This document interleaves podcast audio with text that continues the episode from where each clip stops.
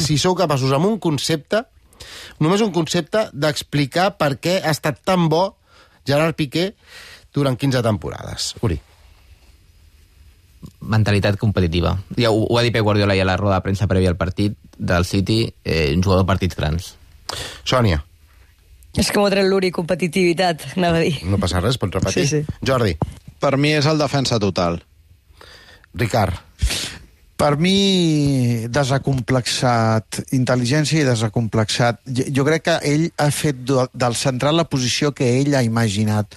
Ha desafiat l'ortodòxia per ser allò que ell havia imaginat. I per això anirà a Pamplona i s'asseurà a la banqueta. ara li preguntarem a l'Àlex Dalmas per què ha estat tan bo durant tants anys Gerard Piqué.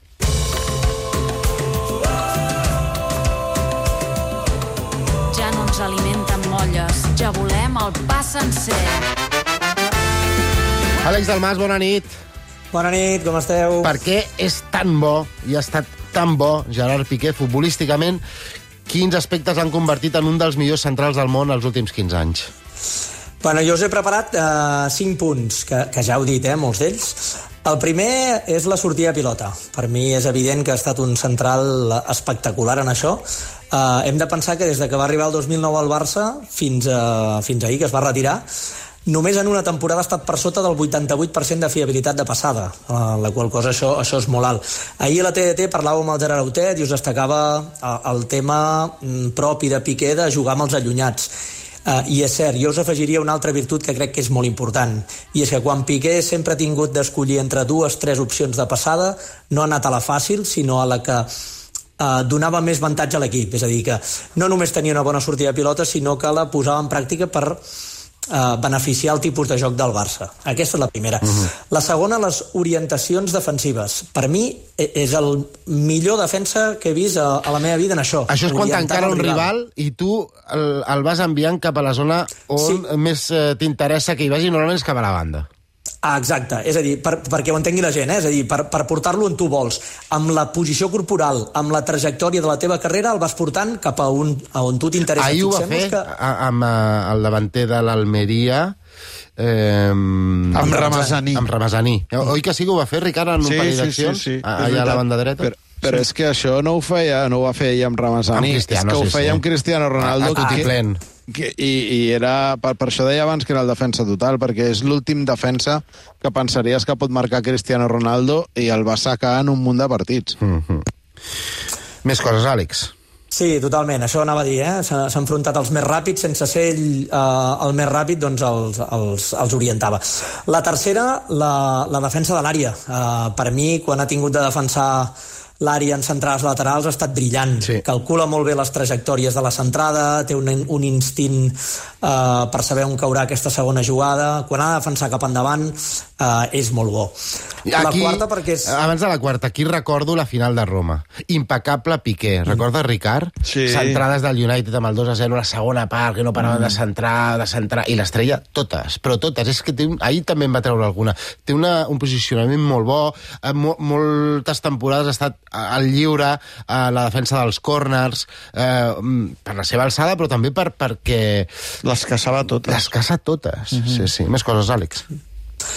Sí, la quarta, perquè a més a més de tot això, doncs és un defensa que té gol, no? Uh, ahir també ho dèieu a la TDT, crec que són 63 gols com a professional, són números no d'un defensa, sinó d'un migcampista ofensiu gairebé. Per tant, uh, bé, tenia aquell, aquell olfacte per saber on caurien els refusos quan pujava en l'estratègia, sempre ha tingut gol. I, i l'última, l'heu dit tots, la, la l'Oriol, la Sònia, crec que és la seva mentalitat guanyadora, no? És a dir, mai hem vist un Piqué petit en un partit gran. Uh, sempre sobreposava tot i sempre, sempre estava la seva millor versió quan l'equip el necessitava. Excepte el dia de l'Inter. I, I ara, eh, eh, això, el dia de l'Inter fa unes setmanes que va cometre un error eh, massa gros, inèdit en Piqué, i que va començar a provocar l'eliminació del Barça de Champions. més d'un jugador va cometre És veritat, però a, Piqué. a, la foto de l'1-1 no és pròpia de Piqué. I la pregunta és, No, Àlex, sí, bueno. per, per mi no és pròpia de Piqué. Sí, però en aquell gol també falla Gavi i ningú ho diu. Perquè Gavi Varela li agafa l'esquena i està despistat i marca Varela i tothom focalitza en Piqué i ningú diu res de Gavi. Bé, però és que potser si Piqué hagués fet un pas endavant, Gavi no hauria quedat assenyalat, tampoc, eh? perquè la línia no, no estava ben marcada. Mm, Àlex, tu creus que ara, eh, ara mateix estava per al màxim nivell mm, Gerard Piqué? No, jo crec que ha fet bé. Jo crec que ha fet un pas al costat quan tocava, no? Uh, crec que és que al final és la vida que et sobrepassa, no? Fins i tot els més bons els hi arriba, i crec que Piqué ja, ja li havia arribat. Per, per jugar com juga el Barça en molts espais a l'esquena has d'estar físicament al, al, al màxim nivell i crec que després de la lesió Piqué no ha acabat d'estar. Però L'any passat molta gent va dir que va ser el millor defensa Va del Barça estar, la va estar bon temporada. nivell, va estar a bon nivell. La, la part final No de sé, la temporada no va aparèixer, però va estar a bon nivell, sí senyor. Que amb tres mesos passis de ser el millor defensa del Barça Però- però, que no pugui jugar més... Però Per Piqué això- sempre ha necessitat molts partits per, per posar-se a to. En els inicis de temporada Piqué no eren els seus mm, punts de forma més, més notables. I sense jugar, sent el cinquè central doncs quan sortia a jugar, per mi se li han vist moltes vergonyes. I, i ho dic amb el màxim respecte perquè m'ha semblat, no diré el millor central de la història de Barça, perquè aquest debat a mi m'avorreix, no m'agrada, crec que és dir, impossible dir que és el millor central de la història de Barça, a més havent-hi eh, Puyol, o sigui, no vull ni plantejar-m'ho, potser és el, el central amb més talent, però eh, ha sortit a moltes fotografies, Uri. Si no t'ho nego, no nego, però per mi encara tenia futbol per jugar al Barça.